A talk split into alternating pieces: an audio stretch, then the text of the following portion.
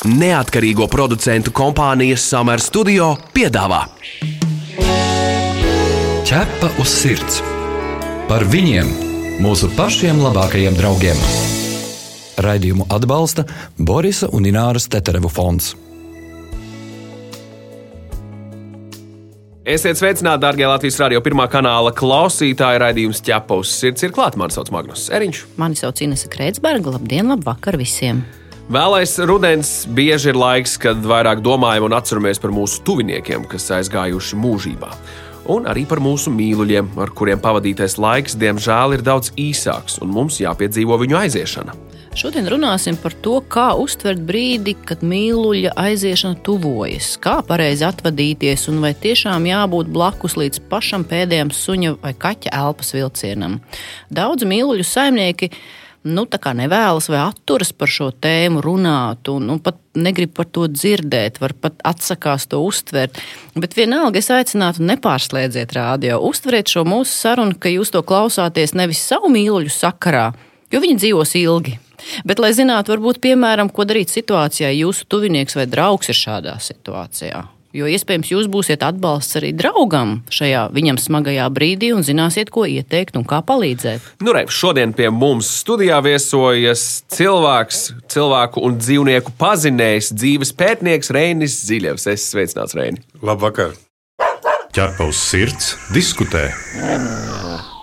Reini, ko tu kā cilvēku un dzīvnieku pazinējs esi sapratis? Kāpēc mēs kā cilvēki atturamies runāt par nāvi un tieši tajos brīžos, kas saistās ar tuvinieku un mīluļu aiziešanu?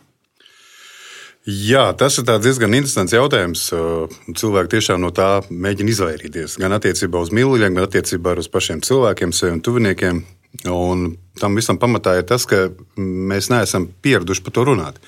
Ne skolās par to runā, ne mājās par to runā. No šīs tēmas parasti cilvēki izvairās. Tāpēc tas tāds kā tabū ir. Un par šo tēmu ir ļoti daudz mītu, ļoti daudz dažādas nu, nepareizas informācijas. Nāves tēma jau visur ir. Mums ir kino, mākslā, kultūrā, visur ir iekšā. Nu, skats, ka mums ir arī kapu svētku vai ne kults Latvijā, kas ir īpaši, īpaši mīļš daudz, daudz daž, dažādiem cilvēkiem. Bet tajā brīdī, kad mums ir jāsāk runāt par aiziešanas brīdi un par nāvi, tad mums ir smagi. Kāpēc tā? Jo paskat, Latvijas, jā, svētais kapu svētku kults, vai ne? Bet mm -hmm. par nāvi aiziešanu nē, negrib runāt. Kā tas nav mazliet divkosīgi?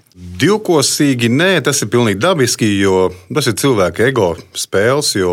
Loģiski, kad ir vienmēr pieķeršanās. Mēs pieķeramies gan mīluļiem, gan saviem līdzcilvēkiem. Mēs pieķeramies, mums ir pieredums, mēs dzīvojam kopā, mēs mīlam, mūsu mīl.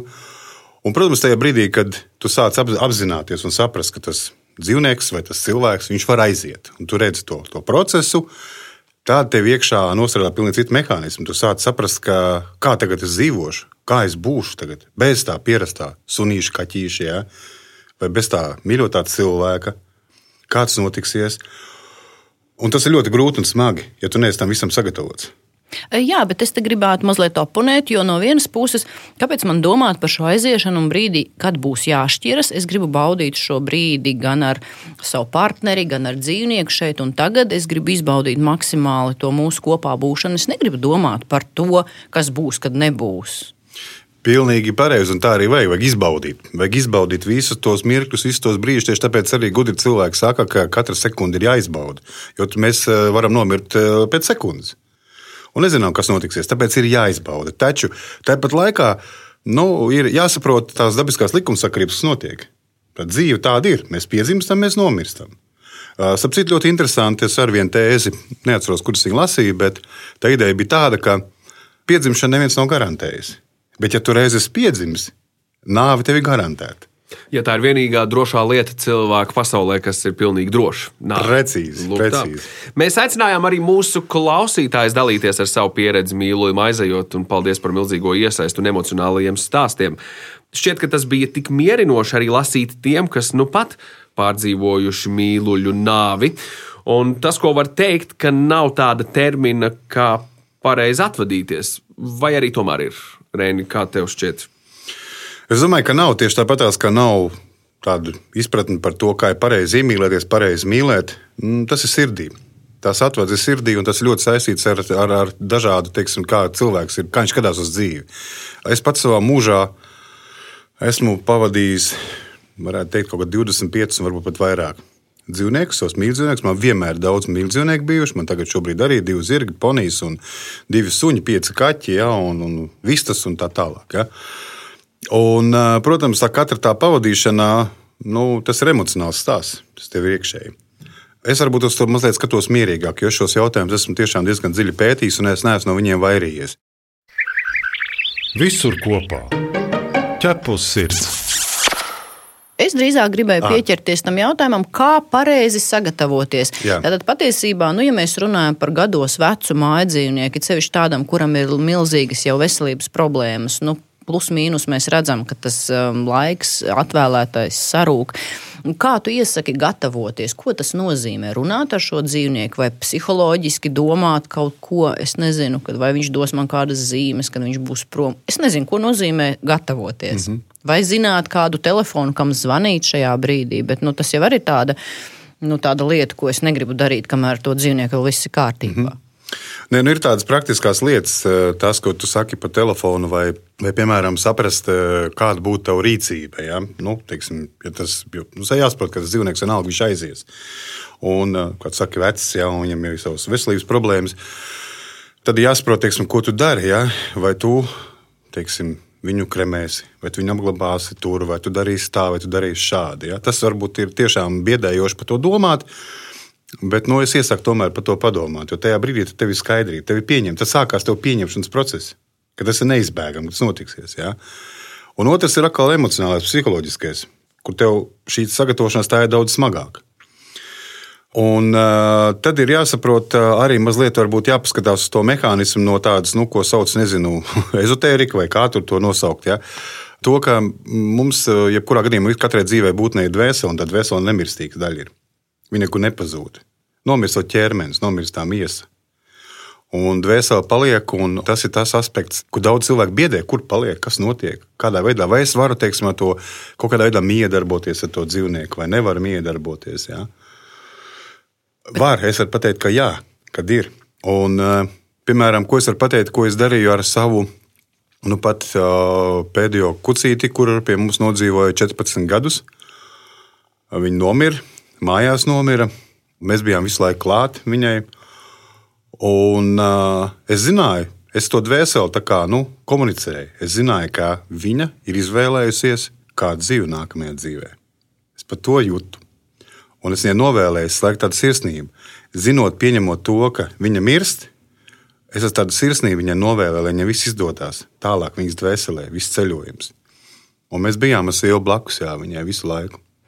Kā tu uzskati, vai arī dzīvniekiem ir bailes no nāves? Viņi jūt šo tuvošanos, un viņiem vajadzīgs kāds mierinājums no saimnieka puses, jeb to tās nāves bailes tavā izpratnē uztver tikai cilvēks.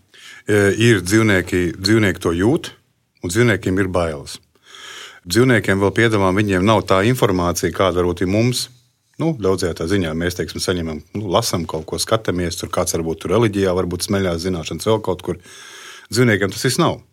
Viņam tas absolūti neizprotami, jo viņš te tagad skraidīja, viņš te dzīvojās, un viņš jūt, ka viņš tagad slīd prom.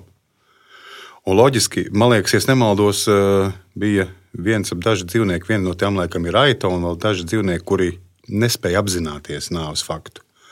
Bet pārsvarā visi dzīvnieki, ceļš mūsu tie, kas ir tie mīluļi, kas tie gudrie suņi, kaķi un, un zirgi un vispār, viņi ļoti apzinās to, viņiem ir bailes. Un tāpēc ir ārkārtīgi svarīgi, ka viņi ir apstākļos, kas viņiem ir tuvi, pazīstami, un kad viņiem ir blakus tas mīļais cilvēks.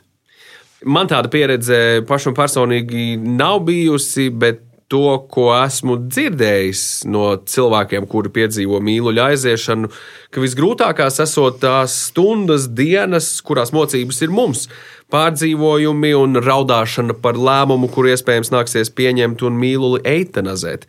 Kā zināt, kad ir laiks un, un šis lēmums ir pareizajā brīdī, lai nu, nepaliek pēc tam tā vainas sajūta, kas mm -hmm. visticamāk arī nāk no ego? Jā, cilvēkam ir prāts un sirds. Un prāts bieži vien nu, teiksim, mēģina kaut kādas tādas sirds eh, domas bloķēt. Un, un teiksim, nē, nu, varbūt es vēl tomēr varu kaut ko, varbūt tā, varbūt varu kaut ko glābt, un varbūt nevajag, un tā tālāk. Ir jāsajūt. Bieži vien teiksim, tā sajūta, es arī esmu runājis ar mīļu saimniekiem. Viņi teikuši, man ir tāda sajūta, ka man tas sunīts, viņš man saka, ka es gribu aiziet, ļauj man aiziet. Kad, ja, teiksim, tas ir gadījumos, kad ir veselības problēmas, kad ir milzīgas sāpes vai vēl kaut kas. Ja? Nu, tas ir jāsajūt. Es, es gribu teikt, ka tas ir jāsajūt. Tas ir jāsajūt tas brīdis, un tas ir jādara, jo nu, liela jēga ir. Ir sevišķi, ja teiksim, nu, gan arī doktori varbūt ir teikuši, un, un pašam ir tāda sajūta, ka tu redzi, ka tu jau vari mākslīgi paildzināt tās mokas tam, tam, tam dzīvnieciņam. Bet no tā jau nekāda viņš nebūs veselīgs, neatgriezīsies atpakaļ tāds, kāds viņš bija. Ja? Tu esi mans draugs, ķepus sirds. Es ticu un es zinu, ka tad, kad vēseles ir atvadījušās no miesas, viņas dodas savā pasaulē. Viņām šo ceļu vai nu sarežģīja, vai atvieglo tieši palicēju milzīgās skumjas un vainas apziņa. Tas ir pēc nāves, pēc aiziešanas, vai jau tajā brīdī, kad, nu, kad notiek jau šī pāreja vai, vai šī aiziešana? Gan procesā, gan arī pēc tam tad šī te, nu, šīs emocijas viņas traucē. Viņas tiešām traucē. Ir pilnīgi dabiski, ir loģiski, ka tev ir jāraud. Loģiski, ka tev sāp sirds, ka tavs mīļotais dzīvnieks, kas vienmēr teiksim, ir ģimenes loceklis, ja? un loģiski, ka tās, tas ir jāizsēro, tas ir jāizsāp. Taču nereti cilvēki iekrīt tādā aburtā lokā. Viņi sēro gadiem. Jā, es zinu ļoti daudz cilvēku, kuri pēc mīluļa aiziešanas tā arī nav saņēmušies vēl paņemt citu suni vai kaķi, lai gan pagājuši 10, 20, mm -hmm. pat 30 gadi. Jā, un tas arī neatvieglo, jo tas jau īstenībā tas ir atkal tās ir prāta un tas ir ego spēles. Jā, tas ir smagi, bet ir cilvēkiem jāsaprot, ka tu tieši ar to prieku, tad, kad tu teiksim, saproti, ka tas dzīvnieks ir aizgājis, un tu saproti, ka tas nav beigas, tam dzīvniekam dvēsele ir palikusi un tu ar prieku novēli viņam, lai viņam viss izdodas vislabākajā veidā. Jo atkal tāda vēsela, acīm redzot, atkal reinkarnējas, atkal kaut kur piedzimst. Vēl kaut kur, jā, un tā tālāk. Es kādreiz, piemēram, eh, par savu suni Falkoru. Es saku, tu esi tik gudrs, tu esi tik eh, fantastisks, man liekas, ka tu esi cilvēks. Es nezinu, ko tu iepriekšējā dzīvē darījis, ka tu esi nonācis tādā šobrīd apziņas stāvoklī. Un, manuprāt, tu nākamā dzīvē būs jau cilvēks. Jo nu, Un tas ir tas, tā ir tā miedarbība. Jo dvēsele jau īstenībā daudz domā, ka sunīša dvēsele atšķirās kaut kur baigi no, no, no mūsu dvēselēm. Nu, neatšķirās jau. Atgādinām, ka pie mums studijā šodien ir cilvēku un dzīvnieku pazinējs, dzīves pētnieks Reinis Ziļevs, un mēs diskutējam par to, kā uztvert mūsu kaķa vai suņa došanos citā pasaulē, kā vislabāk atvadīties un ko runāt. Šo radio pārraidi, protams, varēsiet dzirdēt arī populārākajās straumēšanas lietotnēs podkāstu formā, kā arī mājaslapā www.ķapaus.CLV arhīva sadaļā. Tu pazīsti kādu īpašu dzīvnieku draugu? Tavs kaimiņš vai kolēģis palīdz nelaimē nonākušiem suņiem un kaķiem? Varbūt kāds suns vai kaķis izmainīs tavu pašu dzīvi. Raksti mums, un mēs pastāstīsim šo sirsnīgo stāstu pārējiem klausītājiem. Iedrošināsim arī citus izdarīt kādu labu darbu. Gaidām jūsu vēstuli uz info atķepa uz sirds LV. Ļoti daudz pārdzīvojumu, raudāšanas un visas šīs sajūtas, vai to sajūtu un dzird mūsu mīlulis Rēni, vai slēpt šīs skumjas no viņa, kā tev šķiet, bet runāt un teikt, cik ļoti viņu mīlam, ka viss būs labi, ka esam viņam blakus, vai tomēr no, no šī visa atteikties un ļaut visam notikt savu gaitu. Viss gan šajā, gan tajā pasaulē, viss ir enerģija viss ir plūsma. Un, un pilnīgi dabiski ir arī skumti. Tas ir veselīgi skumti, ka tas mīlestības aiziet projām. Bet, ja tās skumjas ir nevis teiksim, tā, egocentriskas, ka man kaut ko atņem, es tagad kaut ko zaudēju, un tā, bet tīri tā, ka jā, es skumstu, ka mans mīļais draugs aiziet, bet es viņu ārkārtīgi mīlu, un man mīlestība nekad nebeigsies. Tās ir pilnīgi cita veida skumjas enerģētiski. Un no tām nevajag baidīties arī miršanas brīdī. Arī tas ir ļoti normāli un ļoti forši. Es drīzāk domāju arī par to, ka, piemēram, situācijās, kad nu, ģimene runā, ko darīt, vai tad pieņemt šo lēmumu, ko doktoris teica, un vēl, vai šīs sarunas tomēr nu, vajadzētu risināt šim dzīvniekam klāt esot, jo viņi taču visu dzird un saprot, ja tomēr iet un, un šīs sarunas runāt atsevišķi. Nu, es varu tikai runāt par savu pieredzi un par savām domām. Jāsaka, tā, ka es noteikti tās sarunas risinātu atsevišķi no dzīvnieka, bet noteikti dzīvniekam pastāstītu. Ir tāda nu, tibetiešu mirušo grāmata, ir eģiptiešu mirušo grāmata, kurā ļoti skaidri izklāstītas senās zināšanas par to, kā tiek sagatavots cilvēks pārējai uz citu pasauli. Tas pats attiecas arī uz dzīvniekiem. Ja teiksim, ir pietiekami spēcīgs nu, tā, tas, tas gars, un tu, tu saimnieks ir, ir spējīgs to darīt, tad eh, noteikti vajadzētu ar dzīvnieciņu parunāties, pastāstīt viņam, ka tu nepamet mūs, tu mūs aizēji prom uz, uz citu pasauli, bet mēs vienmēr būsim kopā. Un uh, caur to iedvešot viņam tādu, nu, kā mēs runājam, cilvēks arī izjūt bailes. Viņam drošība, pārliecība, jo viņam tas saimnieks ir kaut kādā mērā dievs. Ir, ja? Un viņš uzticās tam saimniekam. Un, ja saimnieks ir mierīgs un saimnieks saka, ka viss būs kārtībā, viņš jūt saimnieka silto plaukstu, tas viņam ir tāds atvieglojums viņa pāriešanas procesā. Bet, nu, re, un tad mēs nonākam pie tā jautājuma par saimnieka būšanu blakus brīdī, kad mīlulim tiek veikta eitanāzija. Jo daudzi saimnieki viņi pārdzīvojuma dēļ nespēja palikt blakus tikpat daudz arī nemaz nezinu, ka tas ir iespējams, bet nu, varbūt šis ir īstais brīdis pateikt, ka jūs varat un jums vajadzētu palikt šajā brīdī blakus mīlulim līdz pašam pēdējam viņa elpas vilcienam. Nu, tādā ziņā neatstāt viņu, lai pēdējais, ko viņš šajā pasaulē redz, ir sveši cilvēki un sveša vide. Un tad sanāk tā, ka Daudzi cilvēki viņi baidās, viņi uzskata, ka viņi nespēja būt blakus, bet nu, varbūt tomēr ir jāsaņemās, nu, jāpārkāpj, jo tas jau ir tāds ego izpausme. Es nevarēšu, bet, bet tas dzīvnieks, nu, tu viņam esi visa pasaule, tev tas ir jāspēj, nav variantu. Šāda domāšana ir izriet no tā, ka mums ir daudz nezināmā. Cilvēks nezina, cilvēks nav informēts, kā šis process notiek un kāpēc šis process notiek. Es uzskatu, ka dzīvnieka teiksim, pieņemsim, ka dzīvnieks atkal nākamā dzīve arī ir dzīvnieks kādā ģimenē. Un, ja viņš aiziet ar tādu svešā, augstā vietā, svešām rokām, kas profesionāli dara savu lietu, bet nu, tur nekādas nav vispār nekādas emocijas. Nāves brīdis ir tas, kad ļoti spēcīgi mēs nokopējam emocijā tās brīža ķermeņa sajūtas. Un tad iespējams, ka tam sunītam tas ir nākamā dzīve, nāk tā, ka viņš nespēja uzticēties cilvēkiem. Savukārt, ja viņš ir palaists ar dziļu mīlestību, lielu uzticību, tad viņš uzticās. Viņš saprot, ka cilvēks ir mans tuvākais draugs. Ja, cilvēks ir mans, un tā uzticība veidojas pavisam savādāk. Tas nav tā, ka tikai tas mans izdomājums. Mēs arī šādu informāciju varam smelties arī dažādos filozofiskos traktātos, un budismā, un, un vēl šur tur. Ja, tā, ir, tā ir tāda vispār zināma lieta. Un tāpēc es ieteiktu noteikti būt klāt Un uh, saprast, ka viss šis process ir vajadzīgs gan tam dzīvniekam, gan arī tam saimniekam. Jo iespējams, ka šī pieredze ļoti daudz ko transformēs arī tev iekšā kā saimniekam.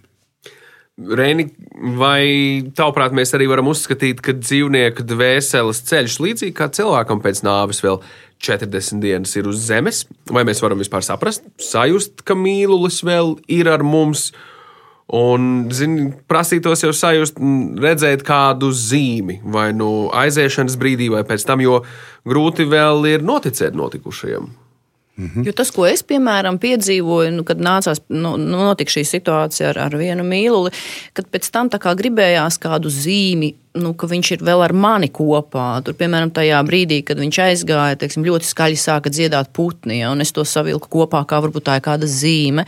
Un, un pēc tam, kā tu meklē kaut kādu atbalsi tajā visā, un gribās varbūt vai nu dalīties ar kādu par šo, bet nu, grūti pieņemt to faktu, ka tas mīlestības ir aizgājis, un kā, tas ir tagad viss. Kā? Nu, tas mhm. tukšums. Mm -hmm.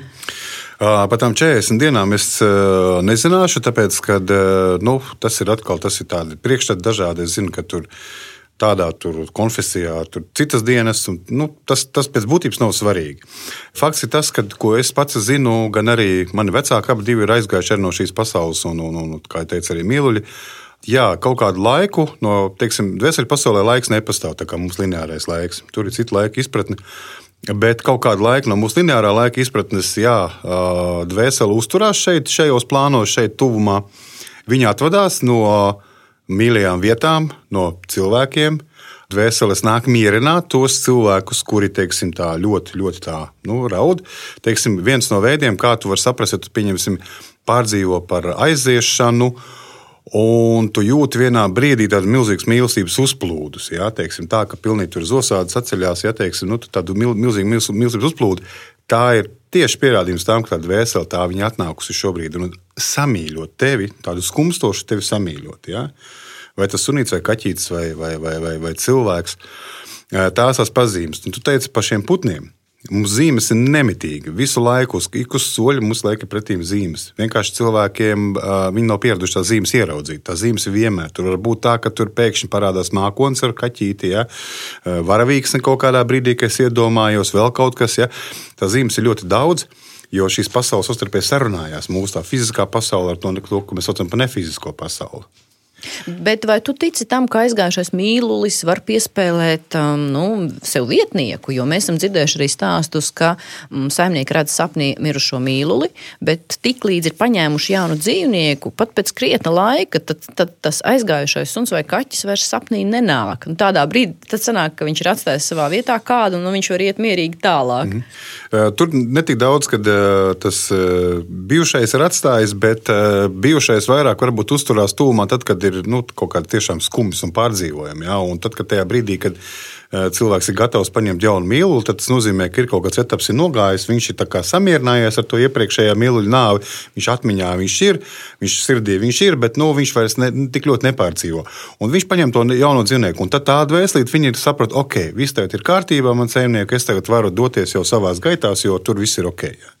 Runājot par kremēšanu vai apbedīšanu, mūsu klausītājs stāstos diezgan bieži min, ka urniņa ar mīluļu pelniem stāv mājās. Un izkaisīt plāns vai apbedīt, tomēr ir nākotnē. Vai kopā ar saimnieka pīšļiem, kad pienāks laiks, ir arī cilvēki, kas šādu izvēli ir iedomājušies kā vislabāko. Reini, kāda ir tava attieksme pret urnu turēšanu mājās? Es esmu pilnīgi pārliecināts savā dzīvē par savu pīšļu atliekām un savu māju dzīvnieku pīšļu atliekām. Tur viss kaut ko var izdarīt. Urna uz kamīna dzegas man izklausās nedaudz uh, fifīgi. Kaut kas tajā visā ļoti, ļoti, ļoti ok. Kāds teiks, nē, tas ir vaiprātīgi, Reina, ko tu domā? Es teikšu tā, ka, eh, protams, nav nekādu pareizo un nepareizo lietu. Katram cilvēkam pēc viņa izjūtām, pēc viņa pārliecības, pēc viņa kaut kādām nu, uzskatu sistēmas un tā tālāk. Ja tu jautā par mani tieši, tad es noteikti neturētu urnu uz kamīna. Es esmu vairāk pār tieši kremāciju, jo Nē, nu viņš būtu kremēts mīlestības, nu, bet tā urna stāv. Jā, jā bet nu, tu, tu teici par to arī par to abadīšanu, par to, ka jā, es vairāk būtu tomēr par kremēšanu. Taču par to, vai urnu turēt mājās, es neturētu. Es to urnu es izkaisītu kaut kur, tur, kur tas dzīvnieks, nu, kur viņš labi jūtās, kur viņš ir bijis. Varbūt, teiksim, sunis, varbūt kaut kādā meža vietā, kur viņš tur ļoti daudz laika pavadījis, vai kaut kādā dārzā vietā, vai kaut kur tur, kur viņš ir bijis, kur viņam ir bijusi beigta foršā sajūta. Uh, Jo tad, kad tu, nu, teiksim, tas ir tāds tā beigas filozofisks jautājums, tev uz kamīna dzega stāv tā urna. Cilvēks eh, apzināti vai neapzināti asociē to dzīvnieku ar to urnu, kas tur ir. To piesaist. Ah, ilgtermiņā nevis veidojas Jā. atmiņas tādas kā Jā. par to dzīvnieku, bet visu laiku tā urna stāv. Jā, un tad, kad teiksim, tas, tie pelni ir izkaisīti, tad tas dzīvnieks ir visur. Viņš ir dabā, viņš ir ar tevi. Tās atmiņas, tā dvēsele, viņi visu laiku tev apkārt ir. Viņa nav tajos pelnos tur iekšā. Pelni tas ir ķermenis. Jā, es par kremēšanu vēl gribēju piebilst tādu lietu, kā kremēšana, manuprāt, ir daudz jaudīgāks instruments dvēseles pārējai uz dvēseli pasauli. Jo enerģētiski tas, kas tev tas ķermenis, tā struktūra, fiziskā struktūra, viņa tiek pilnībā transformēta. Uguns ir viens no spēcīgākajiem transformatoriem. Un uh, nekas nepaliek zemē. Nu, piemēram, skatāmies, teiksim, nu, pieņemsim, dzīvnieks kaut kā ir nomiris ar kādu slimību. Ja? Ir bijuši arī ciešanas dzīvniekam, un tā tālāk, un tajā pie tam ciešanām klāt ir pievienota mm, saimnieka emocijas, sāpes, ja, žēlums, vainas apziņa vispārējais. Un tā kā šis fiziskais ķermenis tiek apglabāts, tas viss saglabājās tur enerģētiskais tas fons, viss viņš tur saglabājās. Tad, kad tiek kremēts caur uguni, tad viss šī enerģija tiek transformēta. Viņa nav vairāk. Tas smagums nav. Un mūsu zeme jau tā ir daudz cietusi. Es runāju par mūsu planētas Zemi. Daudz cietusi, ja? un, un šeit ir diezgan daudz enerģētiskie atkritumi, ja? emocionālie, mentālie atkritumi. Un, uh, mēs vienkārši pieliekam vēl kaut ko klāt. Bet tam visam jātransformējas. Un tad šī kremēšana ir viens no visforšākajiem. Bet tas ir visens, jo ļoti daudz tautas vēl joprojām arī savus mirušos arī Tieši kremē. tā, tieši tā, Indijā, piemēram, Jā. cilvēki joprojām dara Jā. pēc senajām tradīcijām. Jā, mūsu senči tieši tāpēc, to arī darīja kādreiz, jā, kremēja. Nu, bet tomēr ļoti daudziem cilvēkiem šis jautājums šobrīd ir aktuāls. Varbūt mēs varam minēt kādu. Nu, nezinu, grūti pateikt kādu mierinošu frāzi par to, ka nu, varbūt tās kā uztvert šo aiziešanu nu, pozitīvāk, varbūt netik skumji. Nu, varbūt viens variants tāds, ka uh, dzīvnieks jau ir tajā pasaulē, kur viņam vairs nesāp, piemēram, viņš nav tik nevarīgs un vecs. Kādi vēl var būt tādi mieru, mierinājumi vārdi varētu būt cilvēkiem, kas šobrīd tam iet cauri? Uh, dzīvnieks uh, parasti uh, līdzīgi kā cilvēks. Tad, kad viņš, uh, nu, tā, viņš ir spēka pilns, viņš tur skrien, tur, tur daudzās, viss, viss notiek, viņš jūtas laimīgs. Pienākot vecumam, tad, kad dzīvniekam viņš vairs nav tās kustības, nevar izdarīt tik foršas, jā, viņš, viņš ir lēnīgāks, viņam sāk kaut kas sāpēt, uh, viņam sāk kaut kas nepatikt. Teiksim, kādreiz varbūt viņš tur ar cilvēku tur kopā tur noskrēja vai nogāja tur 50 km. Ja? Tagad viņš nevar kilometru paiet, jo viņš ir vecs, viņam visi locekļi varbūt sāp un tā tālāk. Ja? Un arī dzīvnieks jūtas slikti no tām. Un, uh, un tad ir teiksim, tas, ka nu, tā aiziešana ir tā kā tāds, kā es parasti saku, tu aizgāji mājās. Ja?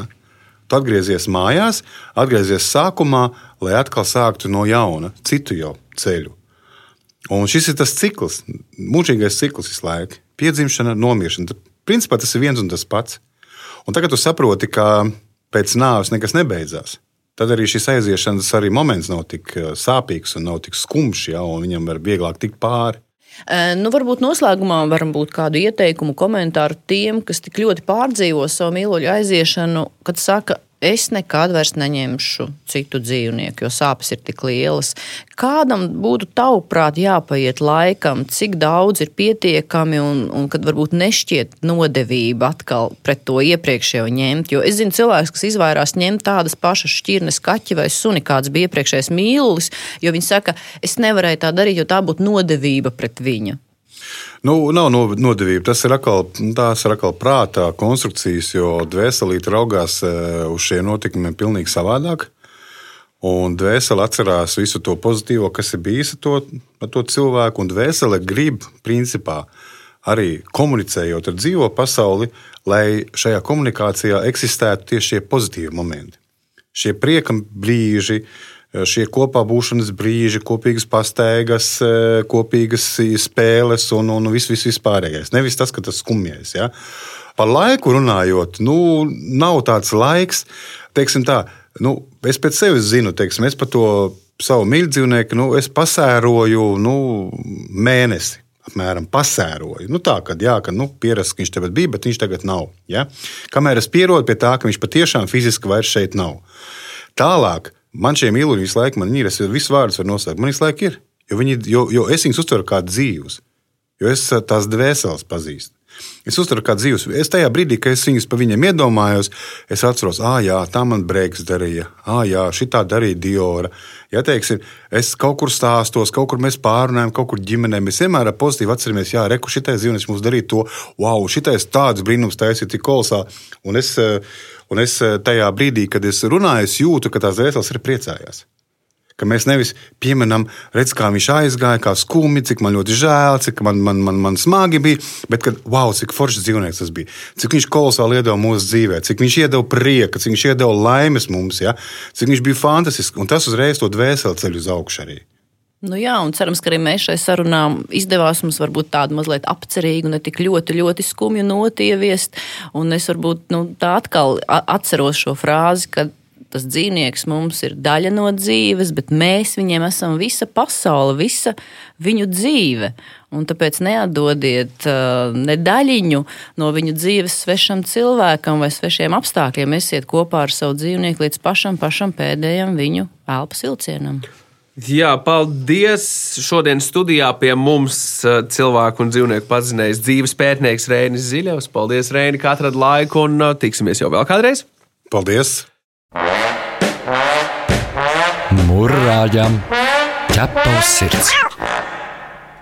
Savukārt šajā brīdī gribējām pateikt to, ka tiekamies jau pēc nedēļas. Bet vispirms Atgādinām, ka ķepos sirds TV raidījumam varat sekot līdzi katru sestdienu, pulksten 11.15 un atkārtojumā svētdienās LTV1. Mēs arī gaidām jūsu jautājumus, ierosinājumus, idejas, sižetiem. Rakstiet mums info atķepusirds.lv. Bet šajā raidījumā tas ir arī viss. Mani sauc Inese Kreitsberga. Mani sauc Magnus Eriņš. Raidījumu veido neatkarīgo producentu kompānija Summer Studio. Visu labu! Atā! Ķepa uz sirds! Informatīvi izglītojoši raidījums par dzīvnieku pasauli un cilvēkiem tajā.